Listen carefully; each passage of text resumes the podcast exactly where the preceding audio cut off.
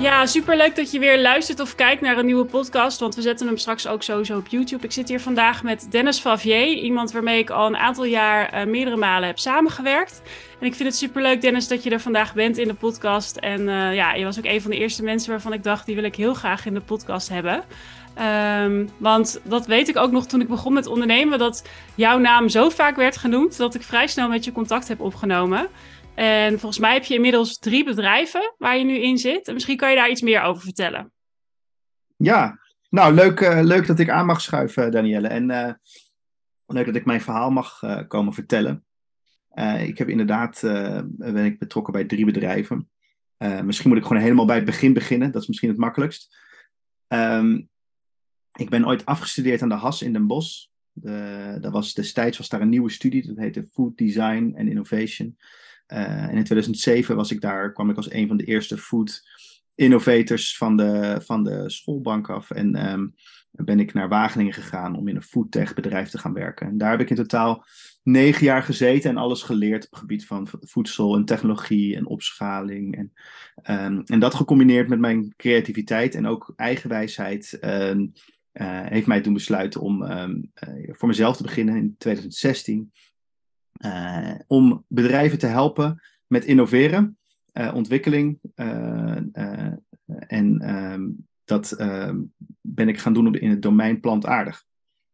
Um, omdat ik zie dat plantaardig, ja, we eten veel te veel dieren en te weinig planten. Dus voordat we het gaan hebben over moeten we überhaupt dierlijke producten consumeren, um, laten we vooral zorgen dat we minder ervan consumeren. Dat zijn, mm. is iedereen het over eens. Uh, dus uh, ben ik Studio Fava begonnen. Uh, dat is bedrijfje nummer één.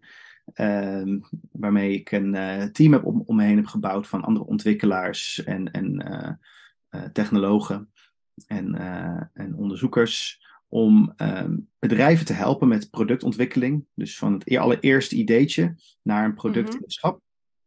Mm -hmm. van hoe krijg je nou een ideetje dat je in de keuken maakt naar een echt product. En hoe verschaal je dat product dan op in een fabriek? Ja. Dus dat, uh, ben, daar ben ik allerlei bedrijven mee gaan helpen. En daarnaast ook ingrediëntenleveranciers gaan helpen met um, ja, hoe kun je hun ingrediënten nou zo goed mogelijk inzetten om mooie plantaardige producten mee te maken. Want er zijn ja. steeds meer eiwitten op de markt die um, en andere functionele ingrediënten uh, uit algen, uit reststromen, uit uh, schimmels, uit van alles, worden eiwitten gewonnen tegenwoordig. Maar vaak hebben die producenten niet echt een goed idee over hoe ze dat moeten, hoe dat, hoe dat werkt in een, in een product. Dus daar, ja. daar doen wij dan onderzoek naar. Dus dat, dat, dat, doen we met Studio Fava. We zitten in Den Bosch in een kantoor in de Jamfabriek. Dat is een verzamelpand met allemaal foodbedrijven bij elkaar. Uh, en uh, daar hebben we een laboratorium, keuken en uh, ja, onze ontwikkelaars zijn daar dagelijks bezig met dit soort projecten. Ja. Um, 80% van onze tijd werken we dus voor klanten en de resterende 20% werken we aan de vragen die klanten ons nog niet gesteld hebben. Dus dat zijn ja. de dingen die wat verder vooruit lopen, die wij wel al zien als voorloper in innovatie en plant-based, maar ja, waar nog geen echte klantvraag is. En dan gaan wij zelf aan de slag. Um, en uh, zo uh, is ook uh, mijn volgende bedrijfje ontstaan. Dat heet See So Good. Um, See So Good is een bedrijfje dat heb ik samen opgericht met Michael Lusink. die eerder ook al een bedrijf Bone Food Concepts op de markt gezet. en daarmee bonen, burgers en nuggets en dergelijke in de supermarkten in Nederland gebracht heeft. en samen met Michael uh, zag ik dat er op gebied van vis eigenlijk maar heel erg weinig gebeurt, terwijl het eigenlijk heel slecht gaat met de oceanen. Uh, uh, ter vergelijking, inmiddels is volgens mij om en bij 4 tot 5 procent van vlees dat in de supermarkt verkocht wordt, is al plantaardig of vegetarisch ja. op zijn minst. Ehm, bij vis is dat nog minder dan 0,2 procent. Dus er is nog ja. heel weinig aanbod en ook ja. dus heel erg weinig verkoop. Dus dat, um, uh, dat Wel leuk wij... om daar meteen even op in te haken, Dennis, want we komen zo op je derde bedrijf. Maar um, wat maakt, denk je dan, dat daar nog niet zoveel op in wordt gespeeld als binnen vleesvervangers? Ja, Nou, ik denk dat het de urgentie of het probleem nog uh, minder bekend is bij consumenten. Dus uh, dat mensen hebben een heel, best wel al een duidelijk beeld van megastallen en intensieve veehouderij. En, ehm, en, en, en dat dat misschien niet helemaal goed is. Ehm, en, en van de het oceaanleven staat gewoon verder van ons af. Het zit letterlijk aan de andere kant van de, van de horizon uh, en van het oppervlakte. Uh, de, de vissen zijn minder knuffelbaar. We kunnen ons er minder mee identificeren. Dus ik denk dat dat een heel belangrijke rol speelt. Ja. En ten tweede denk ik dat ehm, de, een van de belangrijkste drijfveren om vlees te minderen is gezondheid. En mensen hebben nog steeds mm. heel erg het idee dat vis eten heel gezond voor ze is. Ja. dus de gezondheids uh, argument, die speelt minder bij vis, bij de consument. Mm. Ja, ja, toevallig was ik gisteren bij een event en daar zei ook iemand uh, tegen mij dat het voedingscentrum inmiddels weer het advies heeft aangepast. En dat ze toch zeggen van ja, je moet ach, één dag in de week uh, vis eten. Dus dat blijft natuurlijk nog wel een, een ding. Um, ja. ja. Klopt, ja. en uh, die discussie heb ik met het voedingscentrum ook wel eens. Ja. Uh, want uh, waarom moet dat dan eigenlijk? Uh, hè, er zitten upsides en downsides aan het eten van vis, wat het gezondheid betreft. Ja. Er zitten natuurlijk eiwitten in, er zitten omega-3 vetzuren in. maar aan de andere kant zitten er ook steeds vaker gifstoffen in. Want in een vervuilde oceaan komen ook vervuilde vissen uit. Dus ja. dan moet je denken aan zware metalen zoals kwik. en die zijn op de lange termijn, die bouw je op in je lichaam. En op de lange termijn zijn die helemaal niet gezond voor je.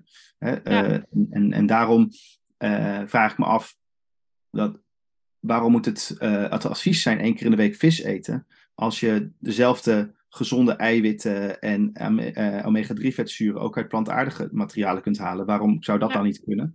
maar dat weigeren ze te erkennen. Ja, ja, blijft altijd een lastig. Hè? Ik, uh, ik zeg ook wel vaak dat het voedingscentrum, wat mij betreft, vaak toch een paar jaar achterloopt. Ik kan me enerzijds ook wel voorstellen dat het soms spannend kan zijn dat je iets moet uiten als bedrijf wat misschien wat vernieuwend klinkt. Hè? Want uh, ja, ik weet nog wel, toen ik zelf zes jaar geleden vegetariër werd, wist ik er ook helemaal niks van. Dus ik heb er wel goede hoop in dat, dat het gewoon nog even wat langer duurt tot ze het wel gaan erkennen. Maar dat maakt het niet uh, makkelijker voor jullie in ieder geval. Ja. En het derde bedrijf is de nieuwe keuken.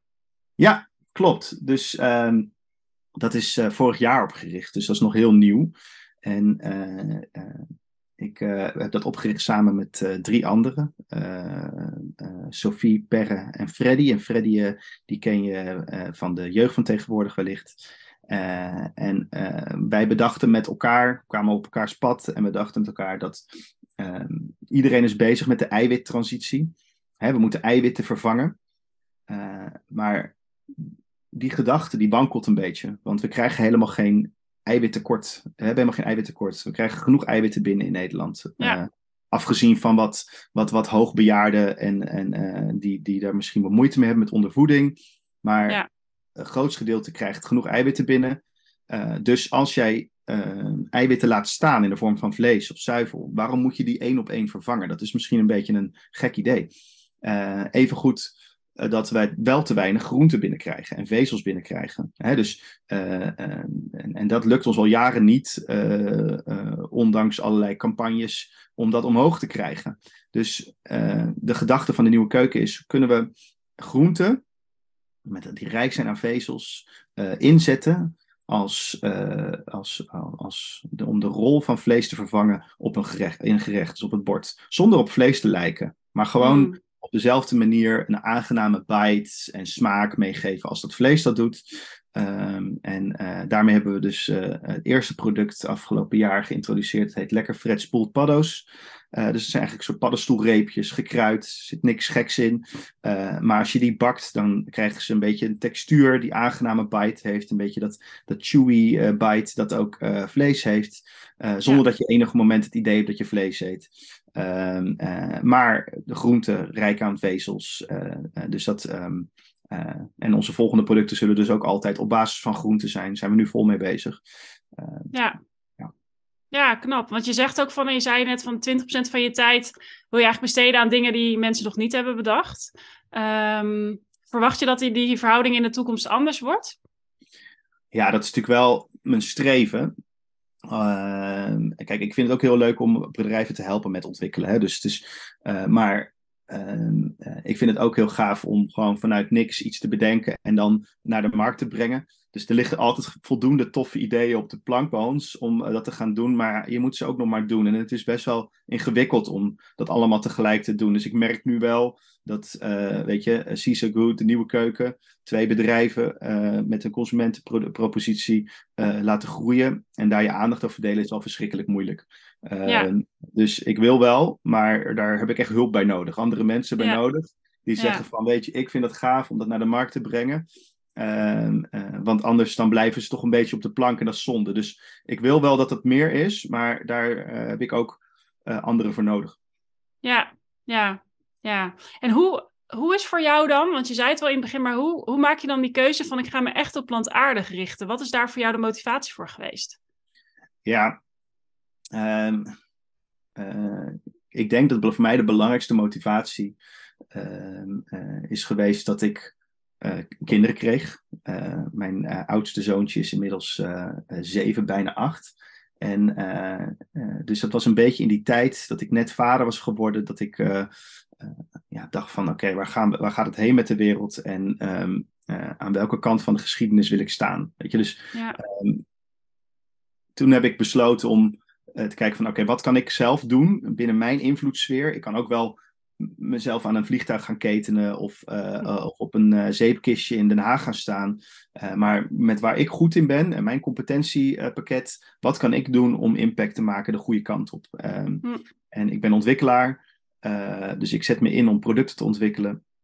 Eh, ik deed al heel veel in vegetarisch eh, segment, dus ik, ik, ik, ik kende de materie goed.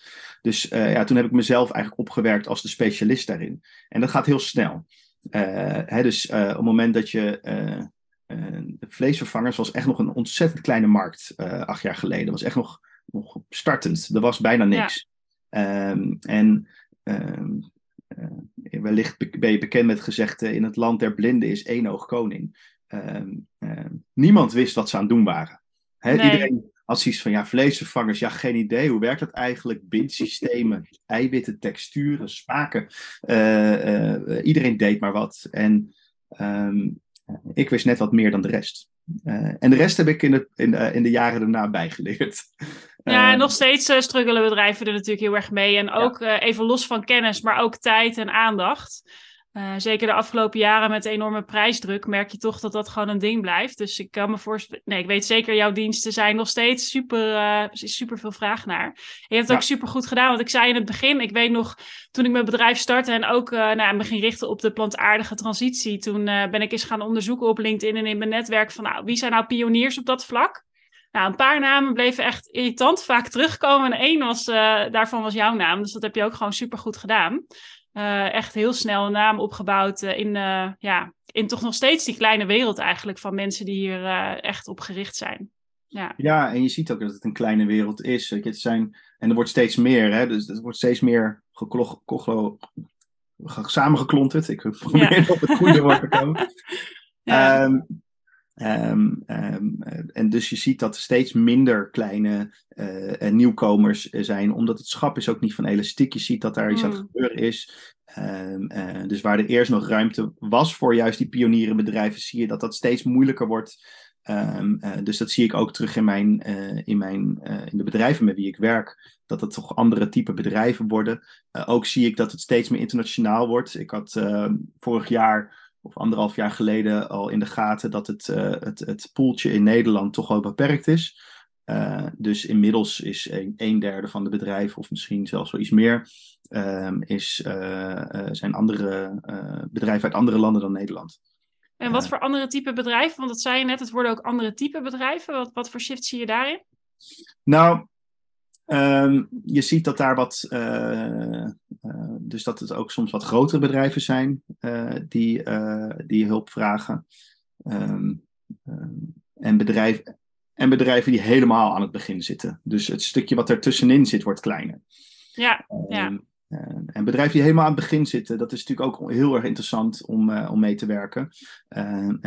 Maar het is ook wel, die hebben nog zo'n weg te gaan om, om, om, een product tot succes te brengen. Daar komt veel meer bij kijken dan alleen maar een goed product. Hè? Dus Hmm. eh, er zijn ook regelmatig klanten voor wij werken die uiteindelijk de weg naar de markt niet vinden. Dat vind ik, dat vind ik natuurlijk wel zonde. Uh, Want wij, wij zitten uh, ik doe dit omdat ik impact wil maken, de juiste kant op. En iets wat uiteindelijk niet slaagt, ja, hoeveel impact maakt dat? Hè? Dus ik probeer ook mm. wel selectief te zijn in welke klussen we wel en niet doen. Wie gaan we wel helpen en wie niet. Op basis van mijn inschatting of dat tot succes gaat worden of niet. Ja. Uh, dus echt die, die, die, die, dat middenstuk zie je dat dat wat moeilijker wordt. Dus de bedrijven die van op een gegeven moment groeien en in een, positie, ja, in een positie komen dat ze geen heel klein schattig start-upje meer zijn, maar ook, niet meer, ook nog niet de grote gevestigde orde. Dat stuk dat was in eerste instantie vooral mijn klantengroep, maar dat is nu aan het verschuiven naar eigenlijk meer groter en kleiner. Ja, ik herken dit heel erg. Ja, en zijn er dan, want jij zegt, nou, er zijn eigenlijk een paar factoren waar ik dan naar kijk of iets gaat slagen. Wat zijn dan de factoren waar jij naar kijkt? Nou, ik denk uh, vooral aan, uh, uh, als het naar kleine startende bedrijfjes gaat, kijk ik vooral naar, ehm, zitten, ze goed in de, zitten de ondernemer goed in de materie en heeft die ondernemersdrive, oftewel durft hij te gaan. Ik denk dat het vaak al bij durf fout gaat. Ja. Ehm, en ehm, en ja, ook niet onbelangrijk, hebben ze alle middelen. Dus hebben ze middelen in de vorm van netwerk, hebben ze middelen in de vorm van financiële middelen. Uh, om het ook tot succes te brengen. Want weet je, een product naar de markt brengen is mega kostbaar. Kost heel veel tijd, mm. kost heel veel drive. Uh, dus als een aantal van deze dingen er niet is, dan, dan ja, kunnen we een heel mooi product ontwikkelen. En daar kan zo iemand ook wel weer in willen investeren. Uh, dat is op zich al goed. Maar als die andere dingen missen, dan, dan denk ik toch dat het niet gaat werken. Hmm. Ja. ja, ik denk dat dat heel goed is. Uiteindelijk ben je er ook om impact te maken. Op die manier kan je natuurlijk ook, mensen wel feedback geven. Ik kan me voorstellen dat je dat soms ook doet. Dat doe ik soms ook. Van ja, weet je, uh, dit en dit, dat valt mij op. Daarom zijn we nu geen match. En dan kunnen ze altijd nog terugkomen als dat anders is. Uh, ja. En dat is natuurlijk helemaal oké. Okay. Ja. ja, zeker. En, en want toevallig was ik gisteren bij een uh, event van de Green Protein Alliance. Waar eigenlijk voornamelijk dan grote bedrijven zijn. En dan kreeg ik weer nieuwe cijfers te zien over hoe gaat het nu met, met plantaardig versus vlees. Um, nou, er zijn natuurlijk best ook wel wat nieuwsberichten hè, over ja, de groei van vleesvervangers, die is onwijs dalende. Nou, volgens mij ligt het allemaal iets genuanceerder, want vlees daalt nog steeds harder dan dat vleesvervangers nu wat onder druk staat. Maar het is wel wat aan het consolideren allemaal. Hè? Dus je ziet dat uh, echt kleine spelers aan het verdwijnen zijn, um, dat er wat samen, hè, dat de Live Kindly uh, Dutch Wheatburger erbij haalt. Dus het wordt ook gewoon wel een moeilijkere tijd om daar überhaupt nog tussen te komen. Um, en wat denk jij, want dat is eigenlijk de vraag die ik aan jou wil stellen, wat denk jij dat er nou nog nodig is om mensen toch meer te gaan bewegen om plantaardig te eten? En wat, wat, wat gaat nou helpen? Ja, dus ik denk dat uh, uh, vleesproducten uh, of, of, vleesvervangers, die zijn uh, als je even teruggaat helemaal naar het begin, wanneer dat op de markt werd gebracht en waar die groei heeft plaatsgevonden. En wat, wat is er toen met die producten gebeurd? Het is altijd interessant om naar te kijken. Dus uh, helemaal begin jaren negentig waren er alleen maar uh, korn en, en tival stukjes. Ja, ik kan me nog herinneren, ja. Om vegetariër te zijn. Ja. Ehm, als je af wilde hangen van dit soort producten. Um, en je ziet dat eigenlijk in de jaren daarna uh, zijn er een aantal bewegingen gegaan om dat te laten groeien. En ook vrij succesvol. En dat waren onder andere de vegetarische slager die daar heel succesvol in zijn geweest. Uh, en dat was om de producten zo goed mogelijk op vlees te laten lijken. Um, en waarom deden ze dat nou en waarom was het toen succesvol? Omdat uh, uh, consumentengedrag veranderen is het allermoeilijkste en dus ook het allerduurste wat er is. Hè, dus een, een consument bewegen tot een andere keuze in de supermarkt of in een restaurant is gewoon verschrikkelijk moeilijk. En dat gaat heel, duurt heel lang en langzaam en heel kostbaar, omdat een nutje met allerlei promotie en marketing en activatie. Ja. Uh, dus als je dat probleem kan verkleinen of die veranderingvraag kan verkleinen door het product zo goed mogelijk op het origineel te laten lijken, dan zijn er meer mensen bereid om die stap te maken en dan gaat dat dus versnellen. En dat hebben we ook gezien. Dat is ontzettend gaan versnellen in de afgelopen jaren. Um, um, maar uh, de, af, uh, de laatste tijd is dat wat afgeremd. Nou, daar kan je allerlei redenen voor bedenken. en het zal ook waarschijnlijk een combinatie zijn van allerlei redenen. Uh, maar wat ik denk dat niet onbelangrijk daarin is, is dat um, op het moment dat het erop lijkt, dan, uh, uh, dan is de volgende vraag: oké, okay, maar ehm, wat doet het voor mij? Want dan, hmm. dan eet ik het, maar behalve dat ik het misschien wel of niet lekker vind, wat doet het voor mij? En dan zie je dat het nog wat haken en ogen heeft. Dus je ziet dat er, om het zo goed mogelijk te laten lijken, zijn er allerlei uh, ja, uh, trucendozen zijn uh, opengegooid. Ehm, als je kijkt naar toevoegingen. Um, er zijn ehm, mega veel stappen gemaakt waarbij je af moet vragen of het wel de, de gezondheid ten goede komt. Dus Hmm. ja, dan krijg je op een gegeven moment producten met een ingrediëntenlijst van, van 30 of 40 ingrediënten. En, en ja, dan terecht gaan mensen zich afvragen: wat ben ik nou eigenlijk aan het eten? Of ben ik vooral fopvlees aan het eten? Ben ik mezelf voor de gek aan het houden, zodat ik het Hmm. gevoel van vlees aan het eten ben? En, eh, eh, en je ziet dat dat, eh, ik denk dat dat zorgt voor een bepaalde kentering op een gegeven moment ook. Dat mensen dat ja, minder, ehm, eh, minder aantrekkelijk vinden om te blijven kopen. En dat zie je ook, denk ik. Dat, waarom kent het het nou? Ik denk dat het niet zozeer gaat. Ik denk dat nog steeds veel nieuwe consumenten komen in het schap, die nieuwe product, die, die producten proberen. Ik denk alleen dat herhaalaankoop achterblijft van de meeste Ja. Ja, en ik hoor het ook regelmatig. Hoor je dat ook? Dat mensen zeggen, nou, ik heb, ik heb iets geprobeerd, maar ik vond het echt niet lekker. Dus eh, laat maar zitten. Ja, of ik vond het wel Ja. oké, maar ja, Ja. niet genoeg om het nog een keer te kopen. Eh, het zijn natuurlijk ook eh, best wel kostbare ingrediënten om te kopen, om mee te eten. Hè, als je een, een bakje koopt, zitten er vaak twee in. Nou, als je een gezin hebt, moet je twee bakjes kopen. Dat is best wel duur. Ja. Ehm, eh, dus ehm, ik kook thuis vegetarisch en eh, ik kook eigenlijk vrijwel nooit met vleesvervangers. Gewoon simpel omdat ik ook weet hoe ik het zonder kan maken. En dat is en goedkoper en vind ik ook lekkerder. Ehm, eh, dus ja, voor mij is het niet, heeft het ook niet echt een functie. Eh, maar je ziet dat dat voor veel steeds meer mensen geldt. Dat ze een beetje afhaken op, op ja, die producten die en best wel kostbaar zijn. En eigenlijk ja, ja, een beetje, waar ze een beetje op afhaken op het idee wat het moet zijn. Eh, Ja. Dus ik denk dat eh, daar, daar ontstaat wel weer ook een nieuwe kans. Hè, ehm, eh, producten die ehm, eh, gewoon niet zoveel rommel bevatten, die of helemaal niet op vlees lijken, of die nog de next step nemen richting op vlees lijken, zodat je nog dichterbij komt. Zodat mensen, ja, dat mensen echt eh, meeneemt in die herhaalaankoop. Want als jij, i- als jij iets in de markt in, in het schap zetten is niet super. Ja, het is ook moeilijk, maar in het schap blijven is vele malen moeilijker. Ja, Eh, want dan moet je ineens word je afgerekend op ja, hoeveel mensen jouw product kopen. En er is maar een bepaalde ja, draagvlak voor jouw product. En als die mensen niet vaak genoeg jouw product nog een keer kopen, ja, dan, dan, dan is het een aflopende zaak. Hè? Dan kan je eh, dus de- dat weten te, te, te, te, te killen of te, te, te verbeteren, te zorgen dat mensen jouw product blijven kopen. En dat vraagt gewoon om een vele malen beter product. Eh, het moet op alle manieren beter performen. En ehm, eh, daar is innovatie voor nodig, ontwikkeling voor nodig om dat te doen. En ik, ja. ik denk dat het meeste wat in het schap ligt, is ook gewoon niet goed genoeg. Hmm. Ja, en dat is helemaal waar. En eh, kijk, ik geloof er zelf ook wel in dat we ons wellicht wat te, te blind staren op alles vervangen. Hè? Dus eh, kijk, nog steeds gemiddelde Nederlander, Nederlands gezin die heeft zeven recepten in hun eh, ja, gemiddelde repertoire. Ehm, je kan zeggen dat is veel of weinig, maar als je ervoor kan zorgen dat een van die zeven een ander gerecht wordt wat plantaardig is, dan heb je al een hele grote stap gemaakt. En Ehm, ja, als ik toch kijk naar bijvoorbeeld eh, retail, als waar daar de focus op ligt, is het heel erg op vervangen van dingen. En ik zag gisteren ook in die cijfers dat peulvruchten niet groeit. En dan denk ik, ja, daar liggen natuurlijk ook nog enorme kansen. Want ik ben net zoals jij, ik koop gewoon een potje kikkererwten, wat echt best wel goedkoop is. In plaats van een vleesvervanger en dat gooi ik door mijn curry. En het is gezonder en het is een stuk goedkoper. Ehm, maar je moet het wel even weten. Dus ehm, ja, ik geloof daar ook heel erg in. Ik denk alleen dat er eh, veel ehm, ja, bedrijven die producten echt verkopen, het best wel spannend vinden. Hè, als iets niet zo op een vleesvervanger lijkt. Eh, dat is volgens mij, ja, weet je, ook met de nieuwe keuken heb je eigenlijk natuurlijk iets gemaakt wat niet eh, eh, iets nieuws is. Dat is echt op basis van groenten. Ehm, ja, ik geloof daar heel erg in. Maar ik kan me ook voorstellen dat mensen dat nog een beetje spannend vinden, want het is nieuw. En ze roepen allemaal wel, we willen gezonder. Maar ja, je moet het ook wel aanbieden. Ja, Hoe en zie jij dat? Ja, het risico is ook van iets maken wat heel natuurlijk en simpel is. Wat we eigenlijk allemaal willen eten. eh, is dat het heel makkelijk na te maken is. Dus het wordt een soort van marketing sausje.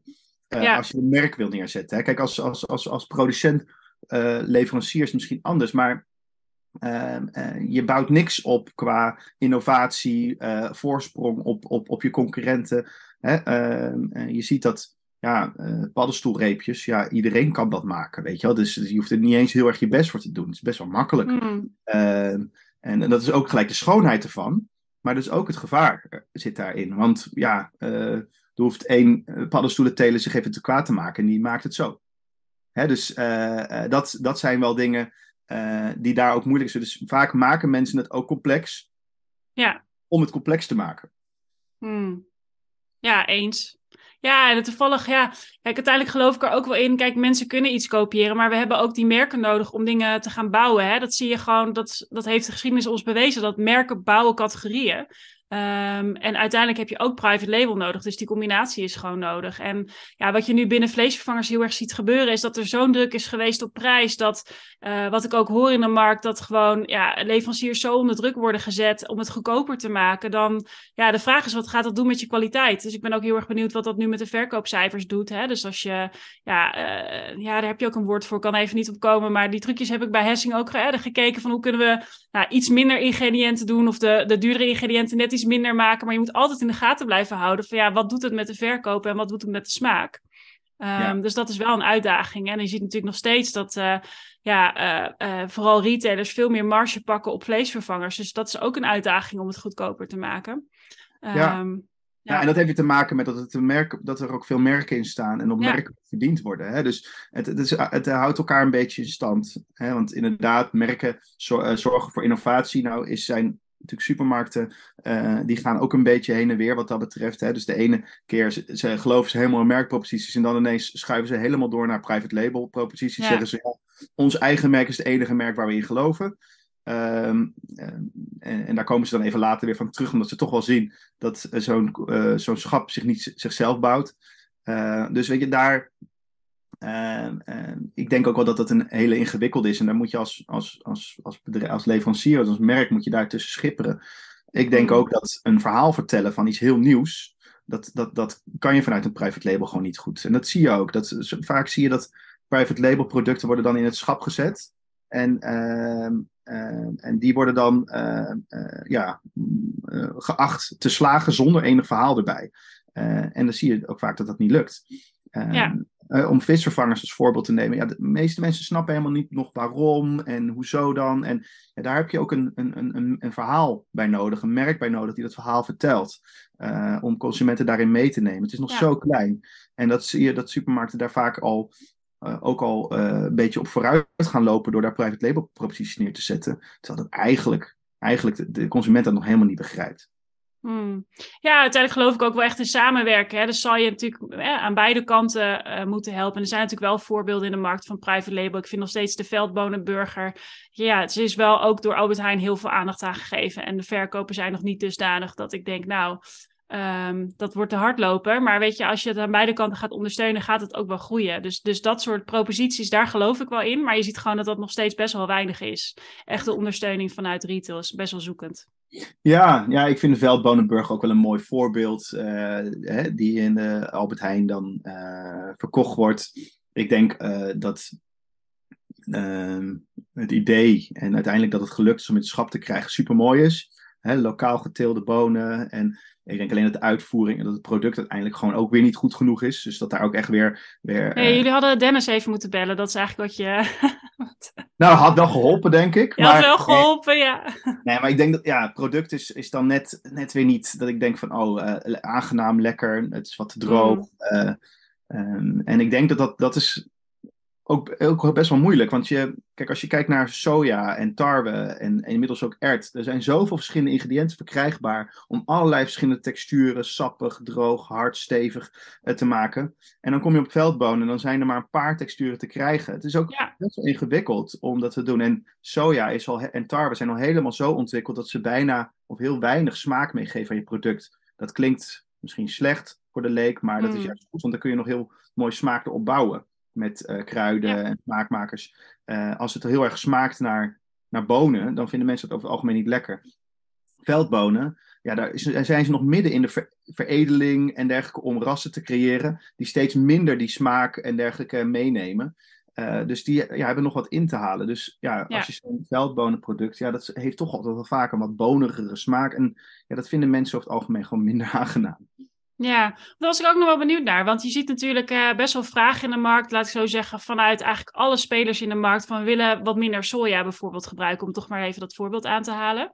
Ehm, en hoe kijk jij daarnaar, naar die behoefte vanuit jouw discipline?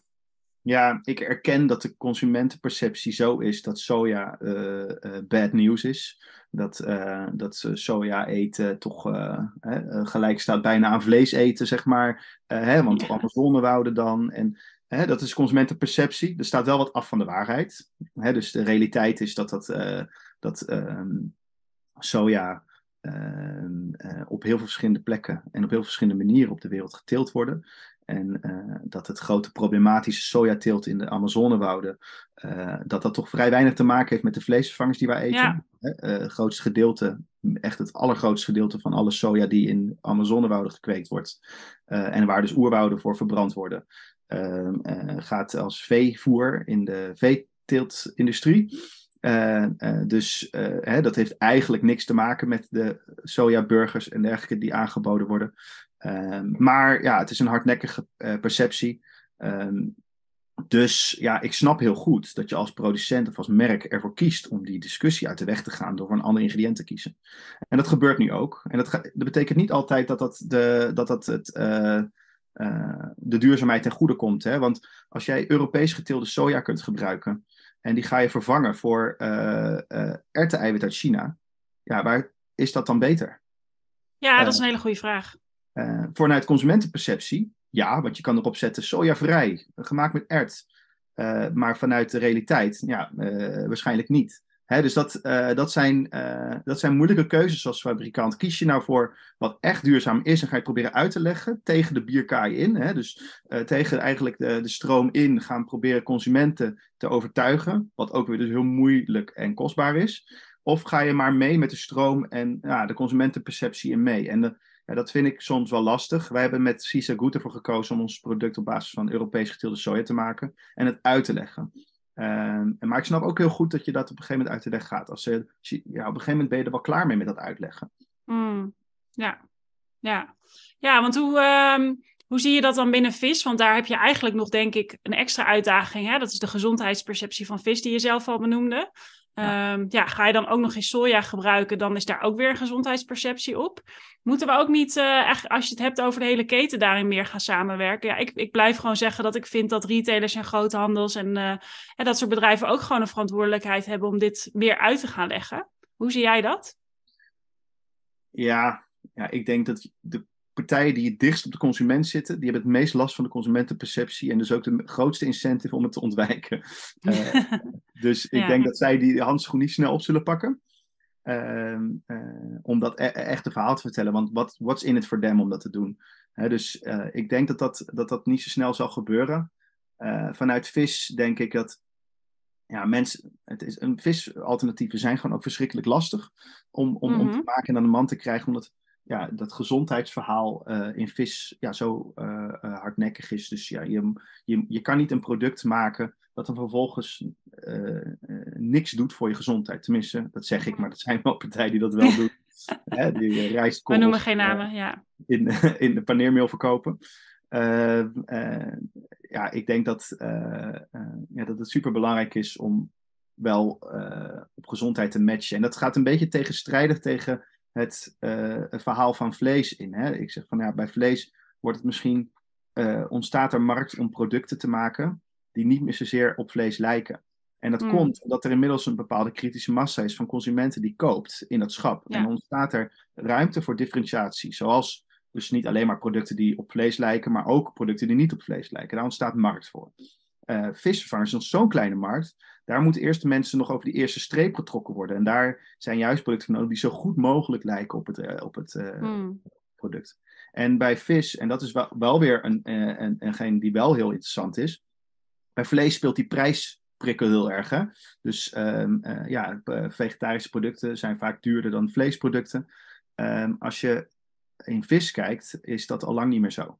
Dus onze het visvrij tonijn is goedkoper dan gewone tonijn inmiddels.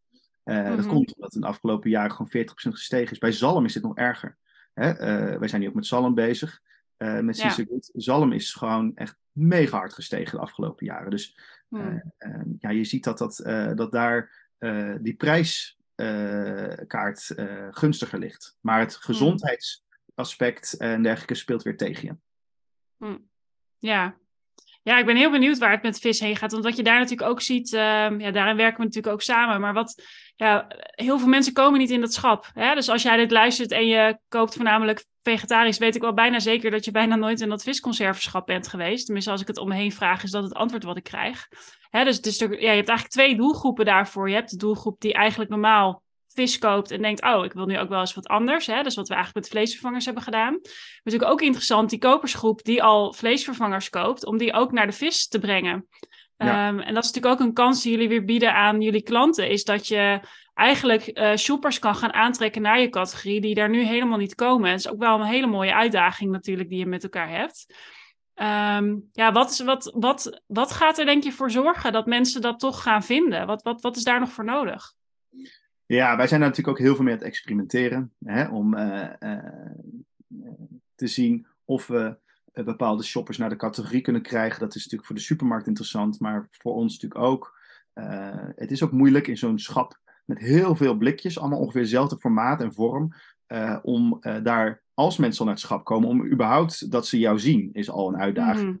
Mm. dus je hebt best wel veel uh, uitdaging op dat vlak. En, uh, en dan, als ze jou dan hebben gezien, moeten ze ook nog de bewuste keuze maken om jou te pakken en niet een blikje gewone tonijn. Uh, mm -hmm. Allemaal redenen, afslagen waar mensen kunnen afhaken. Hè? Dus dat maakt ook dat het heel moeilijk is om, om, om, om die verkopen in die supermarkten te doen groeien. En nou, wij doen er veel aan om dat te laten groeien en dat lukt ook wel. maar het gaat heel langzaam. En gelukkig eh, hebben we een, eh, een, goede samenwerking met de supermarkt en hè, hebben we ook de tijd om dat te laten doen groeien. Hè? Eh, maar bijvoorbeeld in het vegetarische schap, als je daar ligt en je, en, uh, je roteert niet fatsoenlijk, dan lig je er ook echt zo uit. Omdat daar die druk mm. heel hoog ligt en het, je hebt heel snel dat producten bederven, korte houdbaarheid. ons product is natuurlijk heel lang houdbaar en daarmee is natuurlijk ook die, die risico's wat kleiner voor de supermarkt. maar ik denk dat Ehm, waar wij nu vol op wat inzetten zijn, is, uh, is richting food service en industrie. Uh, En mhm. richting maaltijdboxen. Dat zijn eigenlijk onze uh, kanalen waar we nu vol mee bezig zijn. Omdat wij zien dat ehm, in een, waar wat in de supermarkt niet kan, is dat je zegt: Oké, we halen al onze normale tonijn eruit en zetten alleen nog maar plantaardige neer. want dan gaan, lopen je mensen gewoon weg. Hè, je, je shoppers. Ja. Ehm, maar in een, een cateraar, een bedrijfsketering, die kunnen dat wel. Uh, zeker als het product, uh, als ze het niet eens meer proeven in het, uh, in het broodje tonijnsalade dat ze eten.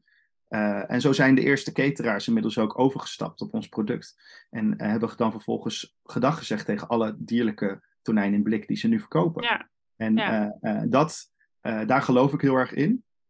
En, um, uh, en maaltijdbox is ook een goed voorbeeld, hè? want mensen krijgen dan niet alleen het blikje, maar krijgen ook andere ingrediënten erbij en een recept. En daarmee snappen ze direct wat ze ermee kunnen maken. Uh, dus dat zijn kanalen die voor ons uh, uh, belangrijk zijn om de consument op een andere manier te be bereiken.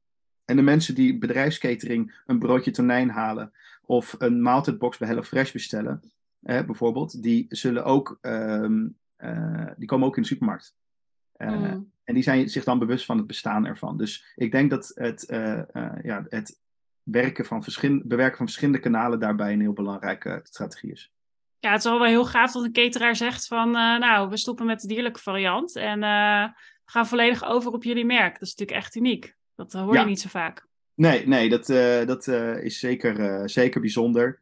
En ja, voor ons ontzettend mooi uithangbord ook, omdat ja, daarmee laat je echt zien dat je erin zit voor impact. En dat laten zij ook daarmee zien. Mm.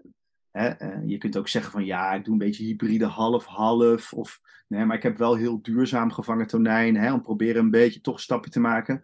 Uh, maar weet je, duurzame, duurzaam gevangen vis, weet je, uh, bestaat dat überhaupt? Hè? nee.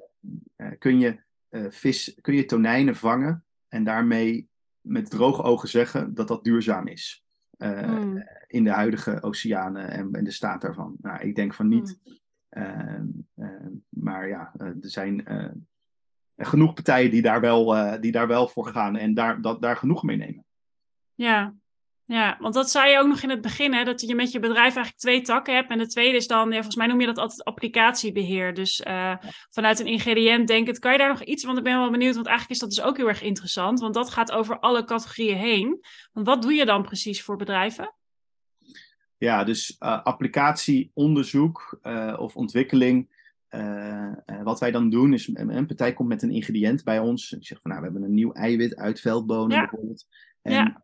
Ehm, we weten niet heel goed wat de, ja, hoe het werkt in verschillende applicaties, kunnen jullie ons daarmee helpen? Want jullie snappen hoe een vegetarische burger werkt, of hoe een worstje werkt, of hoe een kaas werkt. Mm en dan, vaak beginnen wij dan met een, dat noemen we dan een assessment. Dus dan gaan we een ingrediënt uh, in een aantal verschillende applicaties testen. We gaan uh, wat testen doen om de gelsterkte te bepalen, om uh, de, de, de vocht vasthouden te bepalen en alle, allerlei verschillende kleine testjes. We benchmarken het naast een aantal bestaande mm -hmm. eiwitten die wij ook allemaal hebben liggen. En dan geven we een, een assessment terug. We zeggen van hey, jullie product performt zo ja. binnen het product en hier zitten de kansen. Uh, dus uh, dit zijn de, eigenlijk de, de klantgroepen waar je op moet richten. En, en je performt dan ook beter of minder goed dan deze daarin. dus dat, dat, dat is, daar begint het mee. En vervolgens kunnen we ze dan gaan helpen met ontwikkelen van prototypes die ze in met het boeks kunnen zetten. Um, um, um, soms gaat het om ingrediënten die echt nog in de beginfase zitten. dus we hebben een, een partij geholpen die halen eiwit uit uh, het biergist dat overblijft na het brouwen van bier. En mm -hmm. was eerst nog heel erg in, in, in pilotfase, dus die hadden een ingrediënt en nou, daar gingen wij mee werken. en wat gaf wel, had wel potentie, maar er was ook nog wel heel veel op aan te merken. Het was nog niet zo functioneel als het zou moeten zijn. het, en doordat zij steeds aan ons nieuwe samples zijn gaan sturen en aan de knopjes zijn gaan mhm. drukken, en wij dat sampletje testen in een vegetarische burger. We hebben daar een soort modelrecepturen voor. Daar kunnen we heel mhm. snel in testen. Uh, konden wij zien wat het effect was van de, het draaien van de knopjes dat zij deden. En door dat heel intensief te doen voor een jaar of anderhalf jaar lang, uh, uh, hebben we de, eigenlijk wat zij moeten toevoegen om de functionaliteit te creëren, hebben we kunnen delen door vier. Dus in plaats van 8% toevoegen, hoeft u nog maar 2% toe te voegen. Oh ja. Daarmee ben je een ontzettende mooie value proposition. Hè? Dus die, die, die, die klant die kan in één keer ook dus daarmee dus een veel beter product wat, vragen voor een veel hogere prijs. En daarmee wordt in één keer die business case interessant.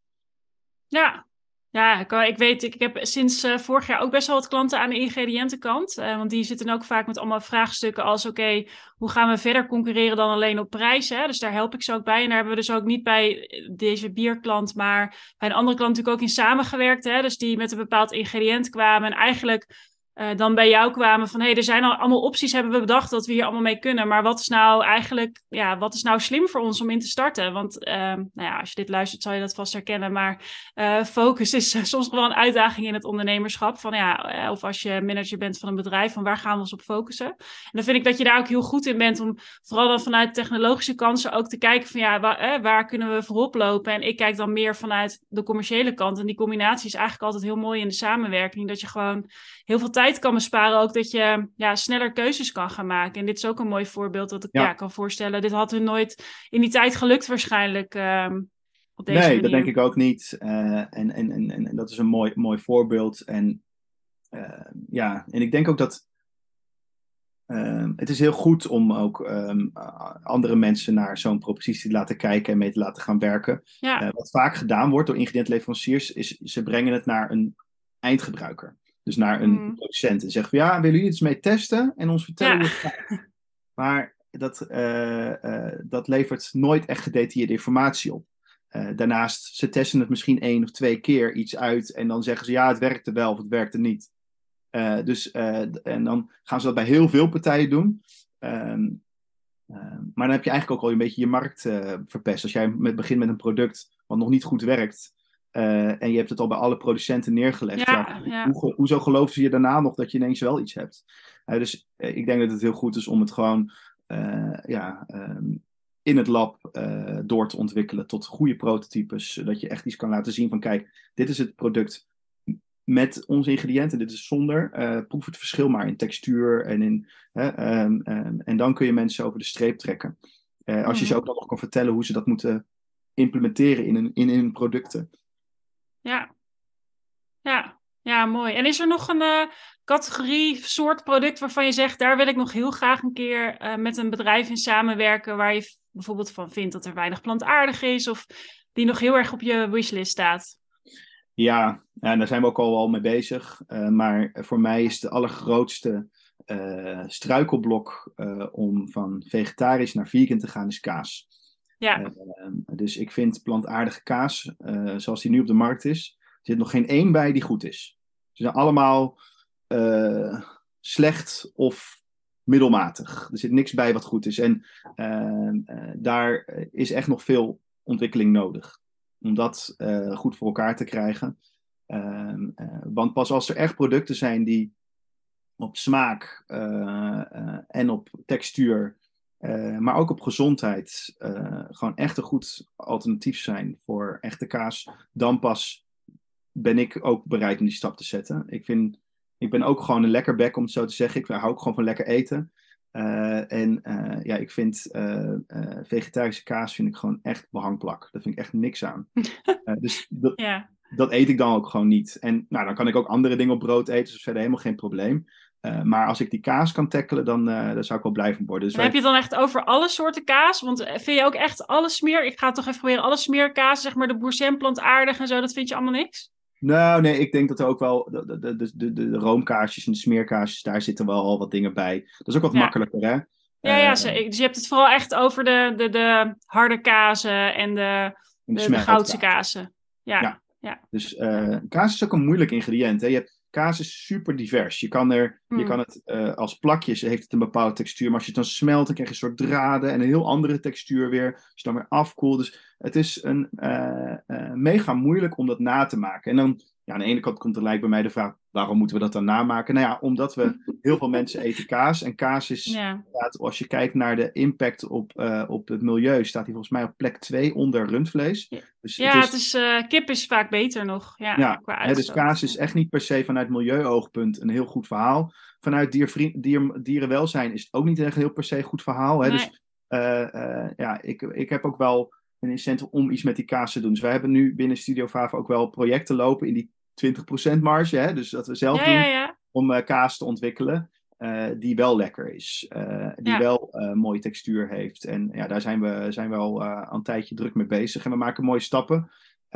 maar ook daarbij moeten we natuurlijk uiteindelijk samen gaan werken met de partij om dat ook naar de markt te brengen. Uh, ja, die gesprekken lopen wel al, maar weet je, het is, ik denk, uh, het, het, is niet voor niks dat die producten nog niet liggen. Het is ook gewoon niet makkelijk uh, om dat goed te doen. Dus ja, wij blijven daar voorlopig ook gewoon lekker tijd in steken. Totdat we echt denken van, nou, nu hebben we, nu hebben we het, het, het gouden ei, om het zo maar te zeggen. Nou, ik ben heel benieuwd. Dus je weet me te vinden als je nog wat testpersonen, want ik vind kaas ook ja, er zijn heel veel nieuwe initiatieven, maar echt goede goudse kaas heb ik gewoon nog niet gevonden. Het is gewoon echt... Nee, en, en, en sommige producten is het gewoon vrij makkelijk bij, hè. Vegan roomijs, ja, dat is allemaal niet zo ingewikkeld. Ehm, hetzelfde geldt voor, inmiddels weten we natuurlijk goed ook om, om toetjes te maken. Al is dat, vind ik, dat een categorie waar nog weinig gebeurt.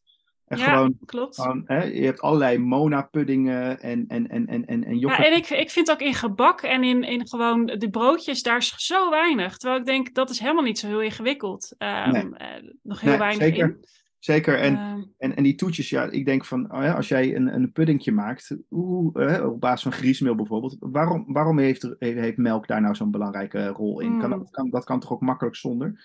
Nou, daar mag nog wel wat gebeuren. Dus uh, als ja. de mensen van die categorie luisteren, gaan we het slag. Want dit, dit lijkt me nou ja. echt nou zo'n stap, dat die, die moet niet zo moeilijk zijn.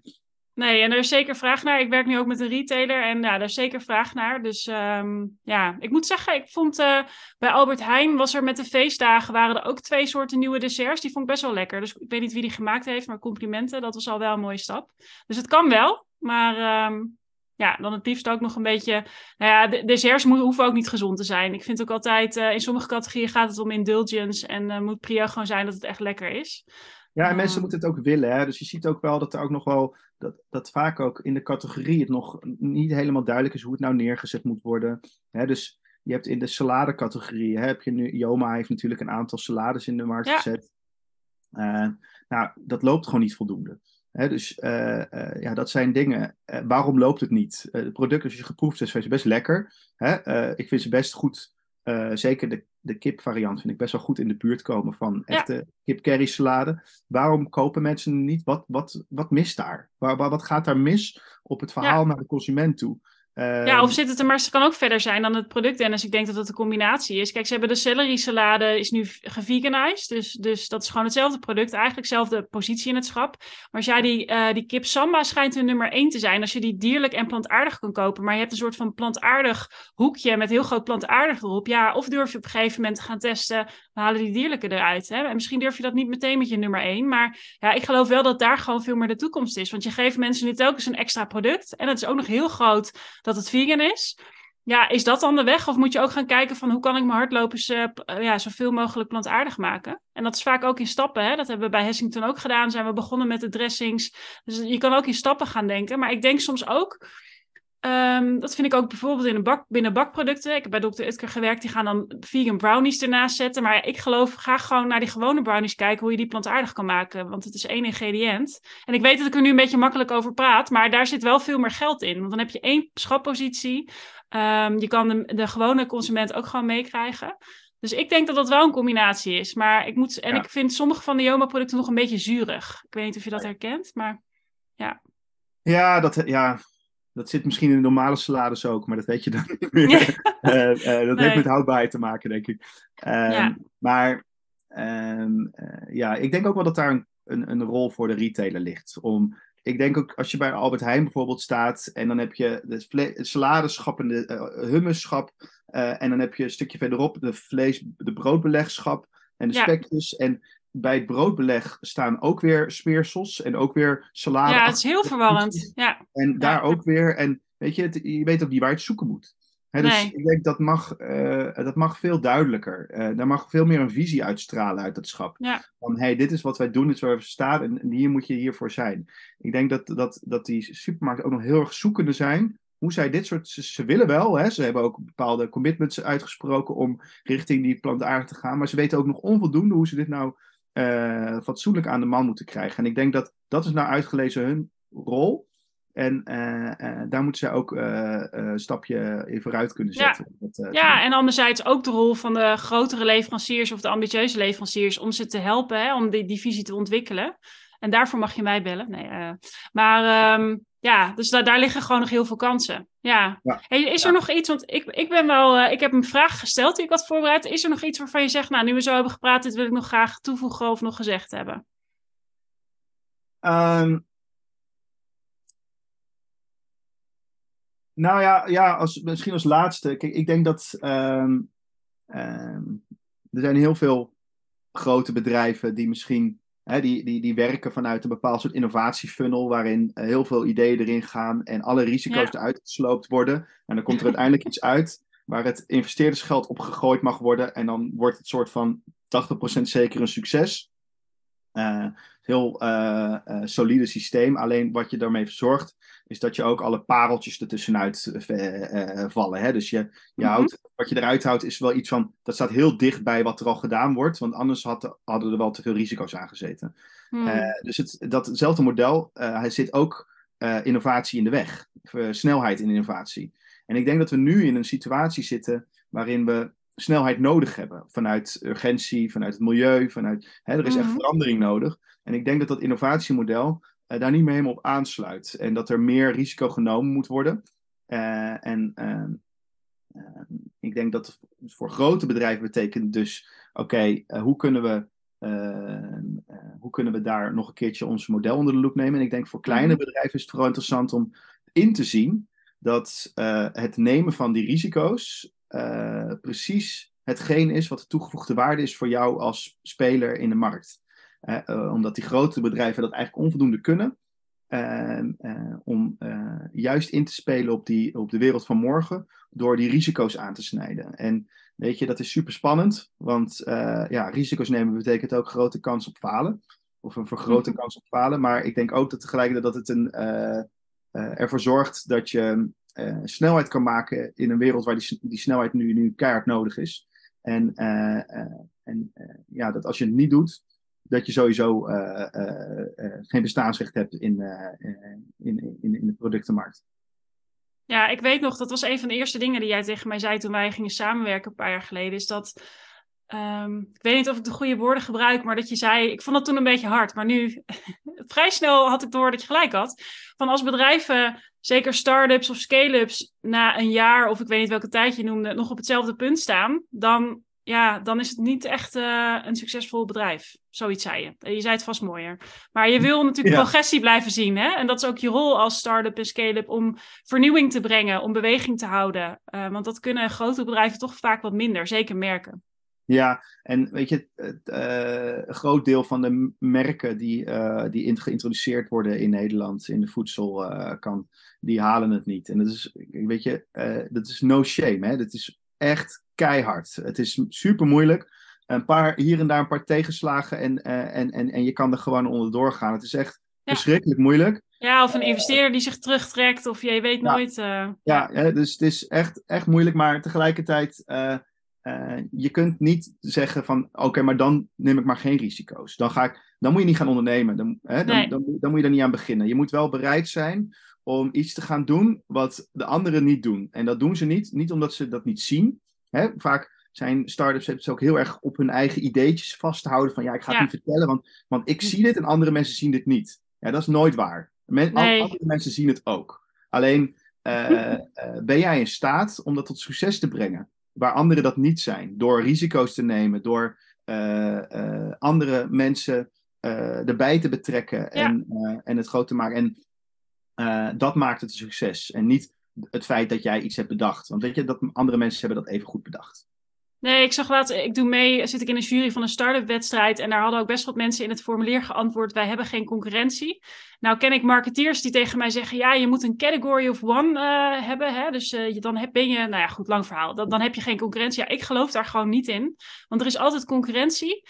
Uh, Jos Burgers, dat is een bekende sales trainer die zei ook altijd van als een casus van een, een, een vloerenbouwerbedrijf.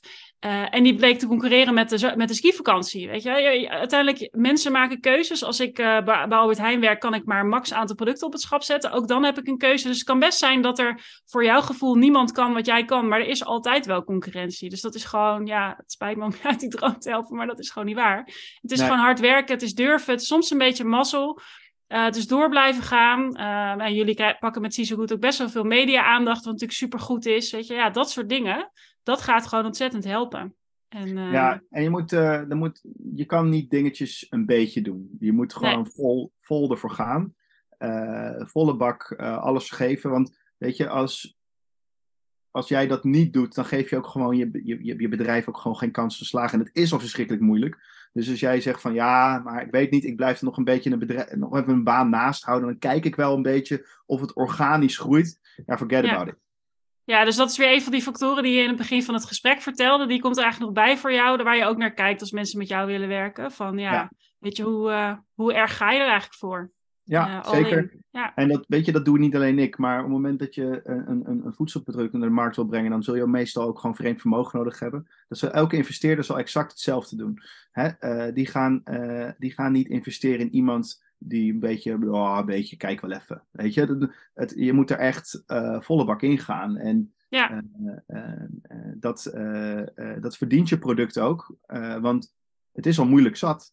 Dus als je het niet doet, ja, is het dan dan maak je het nog moeilijker. En dat kan je natuurlijk niet gebruiken. Nee. Ja, mooie afsluiting. Nou ja, dat is in ieder geval iets wat ik bij jou altijd heel erg zie, er vol voor gaan. En het ondernemerschap. Dus dat is super mooi. En uh, ja, dan wil ik hem afsluiten. Heel leuk dat je er was, uh, Dennis. En ja. ook voor de luisteraar. Ja, ja. En, nou, dankjewel. Ja, en nou, leuk dat je weer luistert naar deze aflevering. Ik zet ook even in de show notes de link naar Dennis' website en ook zijn LinkedIn-profiel. Dus dan kan je hem altijd een berichtje sturen als je bijvoorbeeld bij een, een kaasbedrijf of een dessertbedrijf werkt en denkt: hey, deze uitdaging wil ik wel aangaan. Stuur hem dan even een berichtje. En tot de volgende keer.